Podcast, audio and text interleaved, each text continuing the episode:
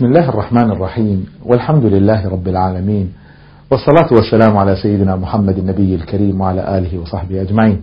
أهلا بكم ومرحبا مع صناعة النجاح.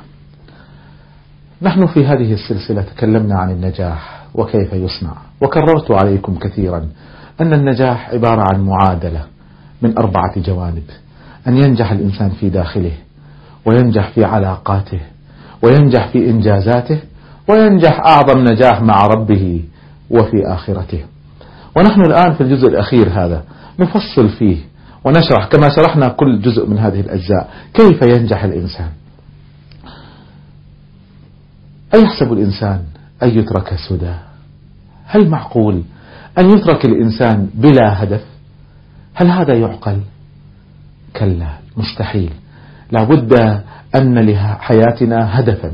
وقد تحدثنا أن الهدف هو أن نعمر الأرض ونخلف الله عز وجل في الأرض بمنهج الله سبحانه وتعالى. وما خلقت الجن والإنس إلا ليعبدون. من أجل هذا خلقنا.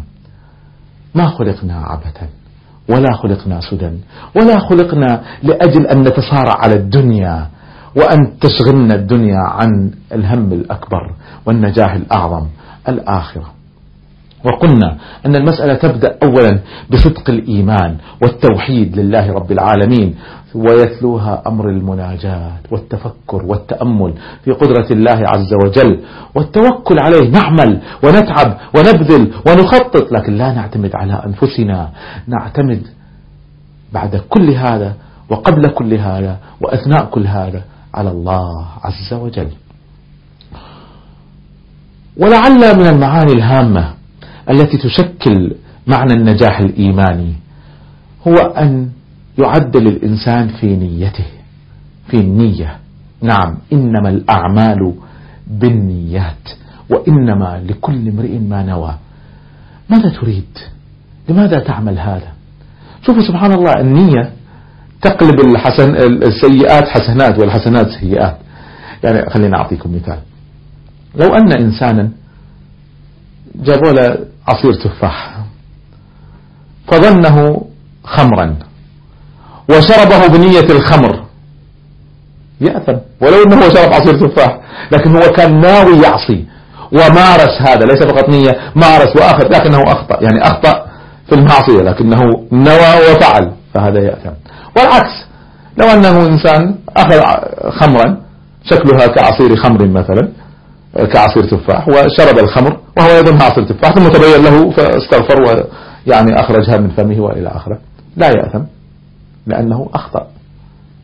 ما كان ناوي المعصية وهو ينوي أن يطيع الله عز وجل. شوفوا النية كيف تقلب الأمور. النية هي أساس هذه العلاقة. النية لماذا تزوجت؟ ولماذا لديك أولاد؟ ولماذا تتوظف؟ ولماذا تقضي وقتك في هذا العمل أو في ذاك؟ ولماذا تنشغل بهذه المهمة أو تلك؟ ولماذا أنا أسجل هذه العلاقات؟ في النهاية الإنسان يسأل نفسه ما نيتي؟ ماذا أريد؟ إذا كانت النية الدنيوية بحتة فله ذلك. فمن كانت هجرته إلى دنيا يصيبها أو امرأة ينكحها فهجرته إلى ما هاجر إليه.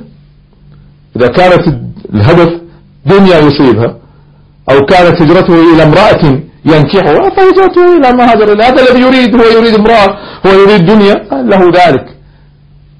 النية؟ سبحان الله النية تدخل في كل شيء. تدخل في كلام الإنسان. لماذا يقول هذا الكلام؟ لماذا يسكت؟ شوفوا حتى يعني هنا من القصص اللطيفة التي سمعتها يوم من الأيام. كلمة سبحان الله هل ممكن تكون معصية؟ واحد يسبح الله عز وجل ممكن تكون معصية؟ نستبعد هذا. لكني قرأت قصة مرة أن قوما كانوا جالسين عند ملك من الملوك وجالس بينهم أحد العلماء. فبدأ هذا الملك يتكلم بكلام فيه فسق وفيه كذب. فأحد الجلوس يعني يستحسن كلام الملك وقال سبحان الله ما أجمل هذا الكلام. فهنا العالم الجالس قال والله ما كنت أظن أن سبحان الله يأثم صاحبها حتى رأيتها اليوم. هي سبحان الله لكنها قيلت لنية فاسدة لتجميل فسق وتجميل كلام كذب. فيأثم صاحبها. إذا سبحان الله القضية كلها ترجع إلى النية. قد يخطئ الإنسان في العمل فيحاسب على النية أكثر ما يحاسب على الخطأ. النية. فإذا جزء من علاقاتنا الإيمانية هي أن نعيد نظرنا في نياتنا. النية هي الحكم النية هي الاتجاه النية هي الصورة الحقيقية. نحن نرى الأمور بالأبيض والأسود. النية هي التي تظهرها بالألوان والنية بين الإنسان وبين ربه. الله عز وجل هو المطلع على النيات هو المطلع على النيات. وذلك من أصول النجاح الأخروي أن يعيد الإنسان النظر في نواياه. لماذا أقول ولماذا أسكت؟ لماذا فعلت ولماذا لم أفعل؟ ماذا أقصد من وراء هذا العمل؟ ماذا أقصد من وراء هذه العلاقة؟ ماذا أنوي من وراء هذا الفعل؟ ماذا أنوي من هذا الإنتاج؟ ماذا أريد من تصرفاتي بهذه الطريقة؟ النية النية النية هي الحكم هي الأساس. وهي أساس الحساب. راجعوا نياتكم. وتأكدوا أن لكم كما كان أحد السلف يوصف له في كل أمر نية. حتى النوم ممكن يؤجر الإنسان به. لو نوى. لو نوى الإنس... نام الإنسان بنية أن أنا أريد أن أنام عشان أرتاح عشان ألحق صلاة الفجر ما تفوتني عشان أقوم أصلي لي ركعتين النية حولت النوم الذي هو فعل إنساني طبيعي حولته إلى عمل فيه أجر. والعكس لو نام لأجل أن ورائي آه، مسابقة فيها فساد ولا في ولا كذا فأريد أني ما أكون نشيط لها. سبحان الله النوم يتحول إلى إثم. النية هي الحكم. لنراجع نياتنا ولنخلص نياتنا لكي ننجح في آخرتنا. قل إنني هداني ربي إلى صراط مستقيم. دينا قيما ملة إبراهيم. حنيفا وما كان من المشركين. قل إن صلاتي ونسكي ومحياي ومماتي لله رب العالمين. لا شريك له. وبذلك أمرت وأنا أول المسلمين. قل أغير الله أبغي ربا؟ وهو رب كل شيء. إذا النجاح مع الله عز وجل. له أسس. ذكرنا من بينها التوحيد. إن الله لا يغفر أن يشرك به ويغفر ما دون ذلك لمن يشاء. فالتوحيد من أسس النجاح مع الله عز وجل. ومن أسس النجاح الإخلاص ومن أسس النجاح النية الصادقة. هذه كلها أسس للنجاح. كذلك في النجاح مع الله عز وجل من الأسس المهمة جدا.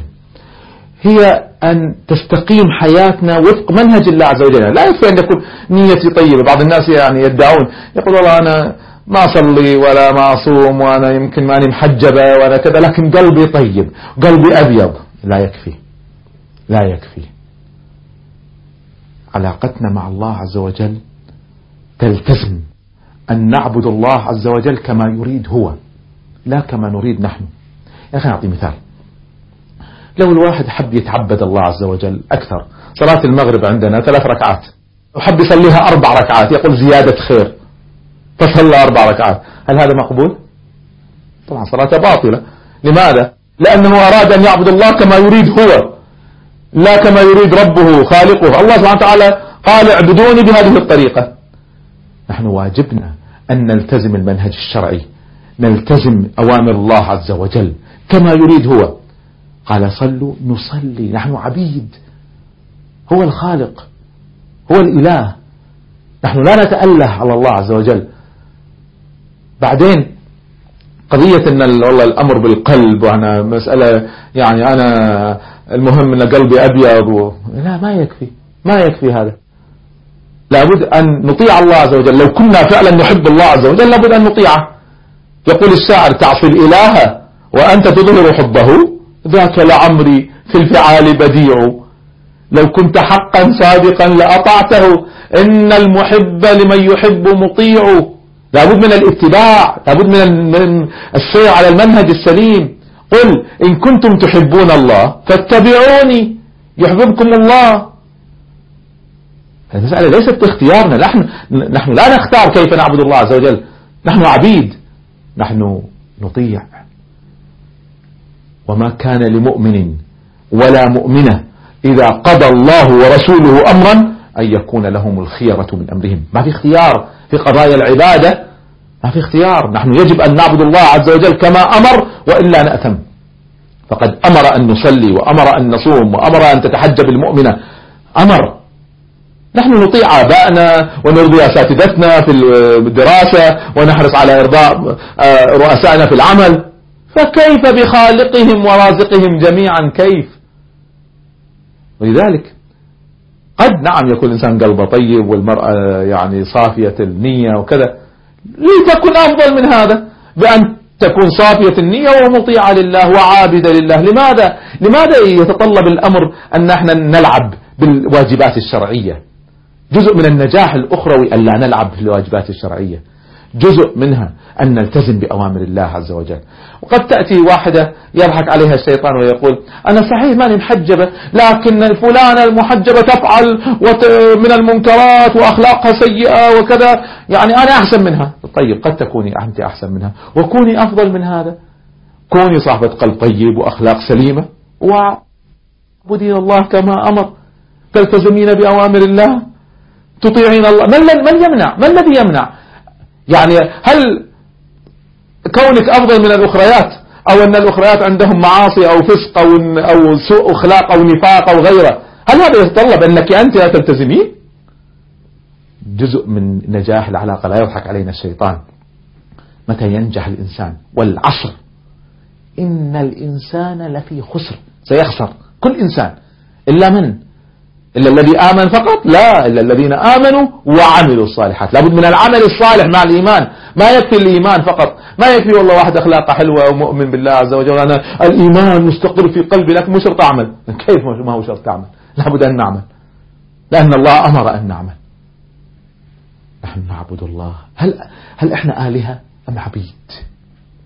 إذا كنا عبيد شوفوا النبي صلى الله عليه وسلم كرم بأن ذكر أنه عبد. سبحان الذي أسرى بعبده ليلا وأنه لما قام عبد الله يدعوه. العبودية لله شرف شرف. كاللي يقول أنا أشتغل في ديوان الملك. هذا الأعظم من هذا من يكون عبدا للملك الملوك للخالق عز وجل. والعبودية تتطلب الطاعة والتزام الواجبات الشرعية. أطيعوا الله أطيعوا رسول الله صلى الله عليه وسلم. التزموا بأوامر الله بواجبات الشرع. هذا أساس من النجاح في الحياة. لا دار للمرء بعد الموت يسكنها إلا التي كان قبل الموت يبنيها. فإن بناها بخير طاب مسكنه وإن بناها بشر خاب بانيها. فاغرس أصول التقى ما دمت مجتهدا واعلم بأنك بعد الموت لاقيها. النجاح إذا أن ننجح أعظم نجاح مع الله عز وجل. والنجاح مع الله عز وجل له أسس له أسس. من أسس الإيمان الصادق التوحيد التأمل الشكر الرضا. ومن أسسه العمل الصالح الاتباع السير على منهج رسول الله صلى الله عليه وسلم ومن سار على نهجه من الصالحين. هذا أساس من أسس النجاح. من أسس النجاح مع الله عز وجل الرضا بما أمر والطاعة لما أمر والالتزام بأوامره ونهاهيه وما آتاكم الرسول فخذوه. وما نهاكم عنه فانتهوا. هذا أوامر من الله عز وجل. أي شيء يأتينا من رسول الله صلى الله عليه وسلم؟ خلاص أمر. أي شيء في القرآن؟ أمر. والله سبحانه وتعالى أمر بالصلاة والصيام والزكاة والحج ونهى عن الخمر والخنزير والقتل والسرقة والغش وعقوق الوالدين والربا. وأكل مال اليتيم. كلنا يعرف المحرمات. لا يضحك علينا الشيطان. والله الشيطان لنا عدو. إن الشيطان كان لكم عدو. فاتخذوه عدوا. نعرف إنه عدو؟ ونطيعه. طاعة الشيطان بالانحراف عن أوامر الله عز وجل. جزء من النجاح في الحياة جزء أساسي من النجاح في الحياة هو أن الإنسان يلتزم بأوامر الله بالحلال ويبتعد عن نواهي الله الحرام. لا نلعب لا نلعب. تكون لنا إرادة. يا أبنائي يا بناتي والله بدون هذا نحن معرضين إلى خطر عظيم من الرسوب في الآخرة. أعظم من الرسوب في امتحان ولا في جامعة ولا في ثانوية ولا أعظم من هذا بكثير. أعظم من أن يزعل علي أب ولا يزعل علي أستاذ ولا يزعل علي رئيس العمل. الأعظم أن يغضب الرب الخالق القادر العظيم الجليل سبحانه. هذا أعظم. كم لا إله إلا الله في نفوسنا؟ كم عظمة الله عز وجل في قلوبنا؟ اتقوا الله. اتقوا الله من أجل أنفسكم. اتقوا الله من أجل صلاحكم. اتقوا الله من أجل نجاحكم في الآخرة. اتقوا الله. احرصوا على طاعة الله. إياكم ووسوسات الشيطان. إياكم وخداع الشيطان. أنا بخير أنا أحسن من غيري. لا تقارنوا هذا. هل بحال الحال سيرضى الله عني؟ هل أنتم مستعدون للقاء الله عز وجل يوم القيامة؟ إذا وقفنا أمام الله عز وجل وبدأ يسألنا يا عبدي فعلت كذا يوم كذا وفعلت كذا يوم كذا لماذا عصيت هذه المعصية؟ لماذا قصرت في هذه الطاعة؟ ليش الصلاة هذه فوت وقتها؟ وليش فعلت هذا المنكر؟ تخيلوا حساب الله عز وجل. ونحن بين يديه خاضعين متذللين. ما الجواب؟ جزء أساسي من النجاح أن نعد الجواب ليوم الحساب. قال رسول الله صلى الله عليه وسلم يدنى المؤمن يوم القيامة من ربه حتى يضع عليه كنفه فيقرره بذنوبه يجعله يعترف بذنوبه فيقول هل تعرف؟ يعني هل تعرف هذا الذنب وهذا الذنب وهذا الذنب؟ فيقول ربي أعرف. قال فإني سترتها عليك في الدنيا وأنا أغفرها لك اليوم. النجاح مع الله عز وجل هو أعظم نجاح. نجاح الدنيا ثماره بسيطة. يعني الإنسان لما ينجح في الدنيا ممكن يحصل على منصب يصير غني يصير عنده شوية أموال يعيش مترف عنده بيت فخم عنده سيارات جميلة يسافر بالصيف ولا كذا يعني وعنده شاليه على البحر يمكن ولا عنده بيت في سويسرا ولا في غيرها. ماشي هذا كله نجاح. ممكن يصير مشهور يطلع بالتلفزيون. ممكن يصير محترم بين الناس والناس تقدره. هذا كله نجاح دنيوي. جميل. لا عيب ولا ضير. ما هو غلط. لكن خلونا نتخيل الآن الوضع في الآخرة. لو أخذنا هذا الغني المشهور الذي ينظر إليه ويشار إليه بالبنان وأخذ وجر على وجهه والعياذ بالله إلى النار وداست عليه الأقدام. هكذا في الحديث أنه يصبح كالذر كالنملة يدوسه الناس ولا يشعرون به.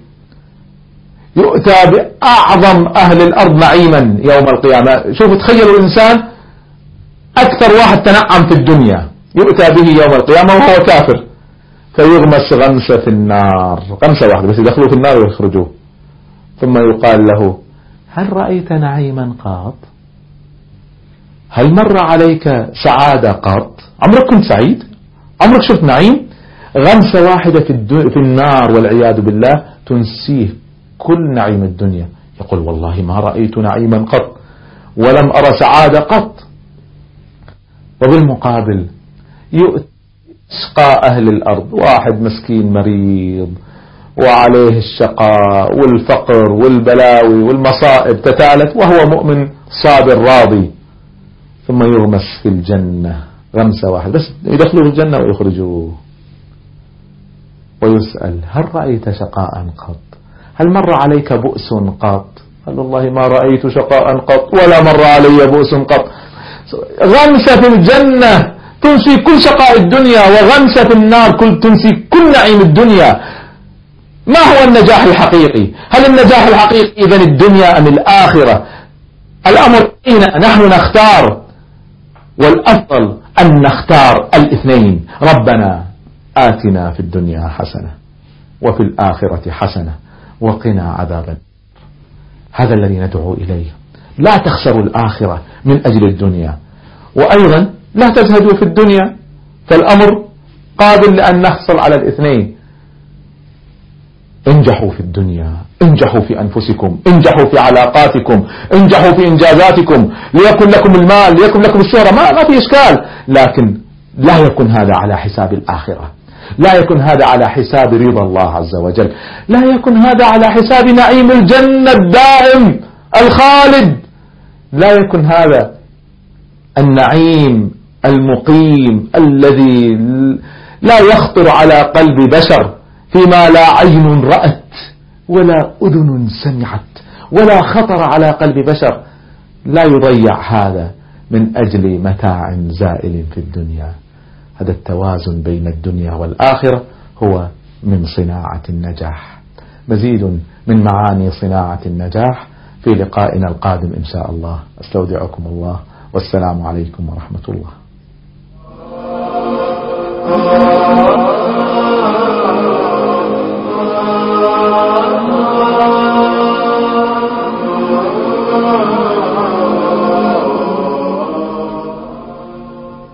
الله الرحمن الرحيم والحمد لله رب العالمين والصلاة والسلام على سيدنا محمد النبي الكريم وعلى آله وصحبه أجمعين. أهلا بكم ومرحبا مع صناعة النجاح. نحن في هذه السلسلة تكلمنا عن النجاح وكيف يصنع وكررت عليكم كثيرا أن النجاح عبارة عن معادلة من أربعة جوانب أن ينجح الإنسان في داخله وينجح في علاقاته وينجح في إنجازاته وينجح أعظم نجاح مع ربه وفي آخرته. ونحن الآن في الجزء الأخير هذا نفصل فيه ونشرح كما شرحنا كل جزء من هذه الأجزاء كيف ينجح الإنسان؟ أيحسب الإنسان أن يترك سدى؟ هل معقول أن يترك الإنسان بلا هدف؟ هل هذا يعقل؟ كلا مستحيل. لابد أن لحياتنا هدفا. وقد تحدثنا أن الهدف هو أن نعمر الأرض ونخلف الله عز وجل في الأرض بمنهج الله سبحانه وتعالى. وما خلقت الجن والإنس إلا ليعبدون. من أجل هذا خلقنا. ما خلقنا عبثا ولا خلقنا سدى ولا خلقنا لأجل أن نتصارع على الدنيا وأن تشغلنا الدنيا عن الهم الأكبر والنجاح الأعظم الآخرة. وقلنا أن المسألة تبدأ أولا بصدق الإيمان والتوحيد لله رب العالمين ويتلوها أمر المناجاة والتفكر والتأمل في قدرة الله عز وجل والتوكل عليه نعمل ونتعب ونبذل ونخطط لكن لا نعتمد على أنفسنا نعتمد بعد كل هذا وقبل كل هذا وأثناء كل هذا على الله عز وجل. ولعل من المعاني الهامة التي تشكل معنى النجاح الإيماني هو أن يعدل الإنسان في نيته في النية. نعم إنما الأعمال بالنيات وإنما لكل امرئ ما نوى. ماذا تريد؟ لماذا تعمل هذا؟ شوفوا سبحان الله النية تقلب الحسن السيئات حسنات والحسنات سيئات. يعني خلينا أعطيكم مثال. لو أن إنسانا جابوا له عصير تفاح. فظنه خمرا.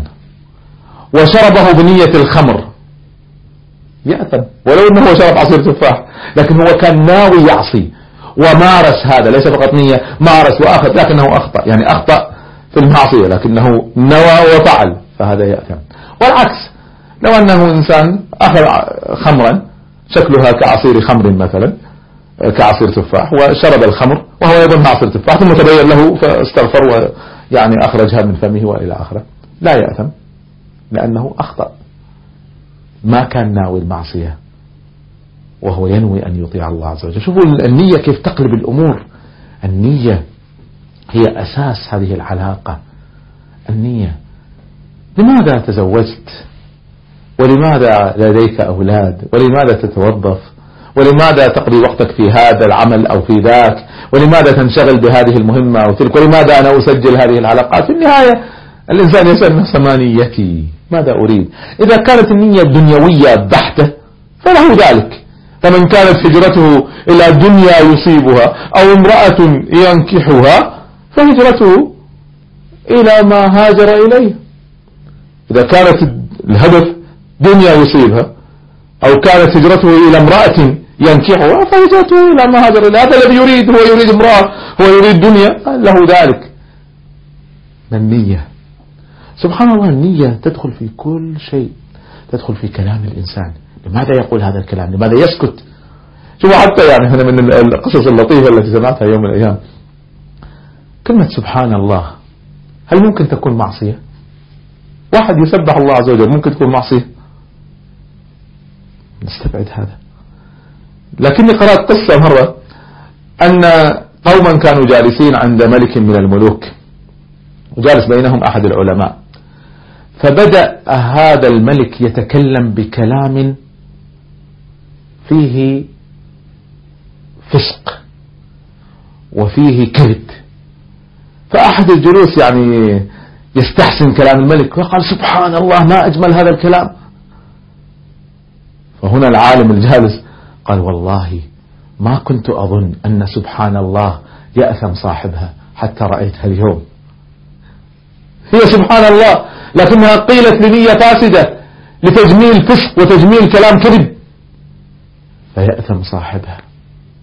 إذا سبحان الله القضية كلها ترجع إلى النية. قد يخطئ الإنسان في العمل فيحاسب على النية أكثر ما يحاسب على الخطأ. النية. فإذا جزء من علاقاتنا الإيمانية هي أن نعيد نظرنا في نياتنا. النية هي الحكم النية هي الاتجاه النية هي الصورة الحقيقية. نحن نرى الأمور بالأبيض والأسود. النية هي التي تظهرها بالألوان والنية بين الإنسان وبين ربه. الله عز وجل هو المطلع على النيات هو المطلع على النيات. وذلك من أصول النجاح الأخروي أن يعيد الإنسان النظر في نواياه. لماذا أقول ولماذا أسكت؟ لماذا فعلت ولماذا لم أفعل؟ ماذا أقصد من وراء هذا العمل؟ ماذا أقصد من وراء هذه العلاقة؟ ماذا أنوي من وراء هذا الفعل؟ ماذا أنوي من هذا الإنتاج؟ ماذا أريد من تصرفاتي بهذه الطريقة؟ النية النية النية هي الحكم هي الأساس. وهي أساس الحساب. راجعوا نياتكم. وتأكدوا أن لكم كما كان أحد السلف يوصف له في كل أمر نية. حتى النوم ممكن يؤجر الإنسان به. لو نوى. لو نام الإنسان بنية أن أنا أريد أن أنام عشان أرتاح عشان ألحق صلاة الفجر ما تفوتني عشان أقوم أصلي لي ركعتين النية حولت النوم الذي هو فعل إنساني طبيعي حولته إلى عمل فيه أجر. والعكس لو نام لأجل أن ورائي آه، مسابقة فيها فساد ولا في ولا كذا فأريد أن ما أكون نشيط لها. سبحان الله النوم يتحول إلى إثم. النية هي الحكم. لنراجع نياتنا ولنخلص نياتنا لكي ننجح في آخرتنا. قل إنني هداني ربي إلى صراط مستقيم. دينا قيما ملة إبراهيم. حنيفا وما كان من المشركين. قل إن صلاتي ونسكي ومحياي ومماتي لله رب العالمين. لا شريك له. وبذلك أمرت وأنا أول المسلمين. قل أغير الله أبغي ربا وهو رب كل شيء. إذن النجاح مع الله عز وجل له أسس. ذكرنا من بينها التوحيد.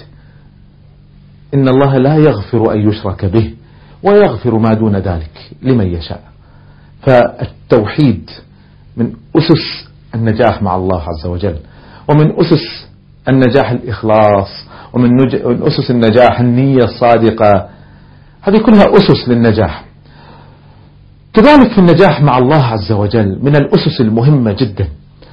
هي أن تستقيم حياتنا وفق منهج الله عز وجل. لا يكفي أن يكون نيتي طيبة. بعض الناس يعني يدعون يقول والله أنا ما أصلي ولا ما أصوم وأنا يمكن ماني محجبة ولا كذا لكن قلبي طيب قلبي أبيض. لا يكفي. لا يكفي. علاقتنا مع الله عز وجل تلتزم. أن نعبد الله عز وجل كما يريد هو لا كما نريد نحن. يا أخي أعطي مثال. لو الواحد حب يتعبد الله عز وجل أكثر صلاة المغرب عندنا ثلاث ركعات. وحب يصليها أربع ركعات يقول زيادة خير فصلى أربع ركعات. هل هذا مقبول؟ طبعا صلاته باطلة.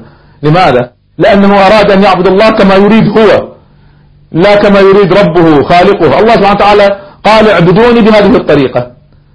نحن واجبنا أن نلتزم المنهج الشرعي نلتزم أوامر الله عز وجل كما يريد هو. قال صلوا نصلي نحن عبيد هو الخالق هو الإله.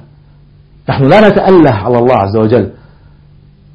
بعدين قضية إن والله الأمر بالقلب وأنا مسألة يعني أنا المهم إن قلبي أبيض و... لا ما يكفي ما يكفي هذا.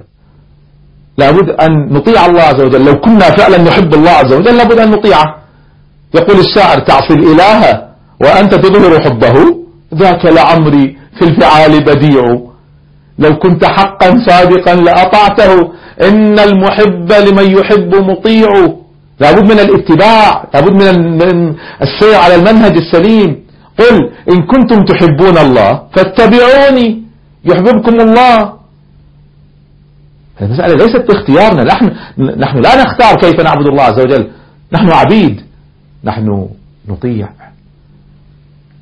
وما كان لمؤمن ولا مؤمنة إذا قضى الله ورسوله أمرا أن يكون لهم الخيرة من أمرهم. ما في اختيار في قضايا العبادة ما في اختيار. نحن يجب أن نعبد الله عز وجل كما أمر وإلا نأثم. فقد أمر أن نصلي وأمر أن نصوم وأمر أن تتحجب المؤمنة. أمر. نحن نطيع آبائنا ونرضي أساتذتنا في الدراسة ونحرص على إرضاء آه، رؤسائنا في العمل. فكيف بخالقهم ورازقهم جميعا؟ كيف؟ ولذلك قد نعم يكون الإنسان قلبه طيب والمرأة يعني صافية النية وكذا.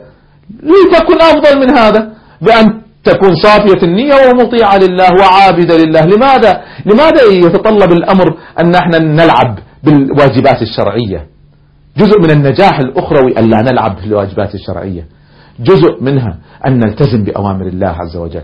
وقد تأتي واحدة يضحك عليها الشيطان ويقول أنا صحيح ماني محجبة لكن فلانة المحجبة تفعل من المنكرات وأخلاقها سيئة وكذا. يعني أنا أحسن منها. طيب قد تكوني أنت أحسن منها. وكوني أفضل من هذا. كوني صاحبة قلب طيب وأخلاق سليمة. وعبدين الله كما أمر. تلتزمين بأوامر الله. تطيعين الله. من, من يمنع؟ ما الذي يمنع؟ يعني هل كونك أفضل من الأخريات أو أن الأخريات عندهم معاصي أو فسق أو, أو سوء أخلاق أو نفاق أو غيره هل هذا يتطلب أنك أنت لا تلتزمين جزء من نجاح العلاقة لا يضحك علينا الشيطان. متى ينجح الإنسان؟ والعصر. إن الإنسان لفي خسر. سيخسر. كل إنسان. إلا من؟ إلا الذي آمن فقط؟ لا إلا الذين آمنوا وعملوا الصالحات. لابد من العمل الصالح مع الإيمان. ما يكفي الإيمان فقط. ما يكفي والله واحد أخلاقه حلوة ومؤمن بالله عز وجل. أنا الإيمان مستقر في قلبي لكن مو شرط أعمل. كيف ما هو شرط تعمل لابد أن نعمل. لأن الله أمر أن نعمل. نحن نعبد الله. هل, هل إحنا آلهة أم عبيد؟ إذا كنا عبيد شوفوا النبي صلى الله عليه وسلم كرم بأن ذكر أنه عبد. سبحان الذي أسرى بعبده ليلا وأنه لما قام عبد الله يدعوه. العبودية لله شرف شرف. كاللي يقول أنا أشتغل في ديوان الملك. هذا الأعظم من هذا من يكون عبدا للملك الملوك للخالق عز وجل. والعبودية تتطلب الطاعة والتزام الواجبات الشرعية. أطيعوا الله أطيعوا رسول الله صلى الله عليه وسلم. التزموا بأوامر الله بواجبات الشرع. هذا أساس من النجاح في الحياة.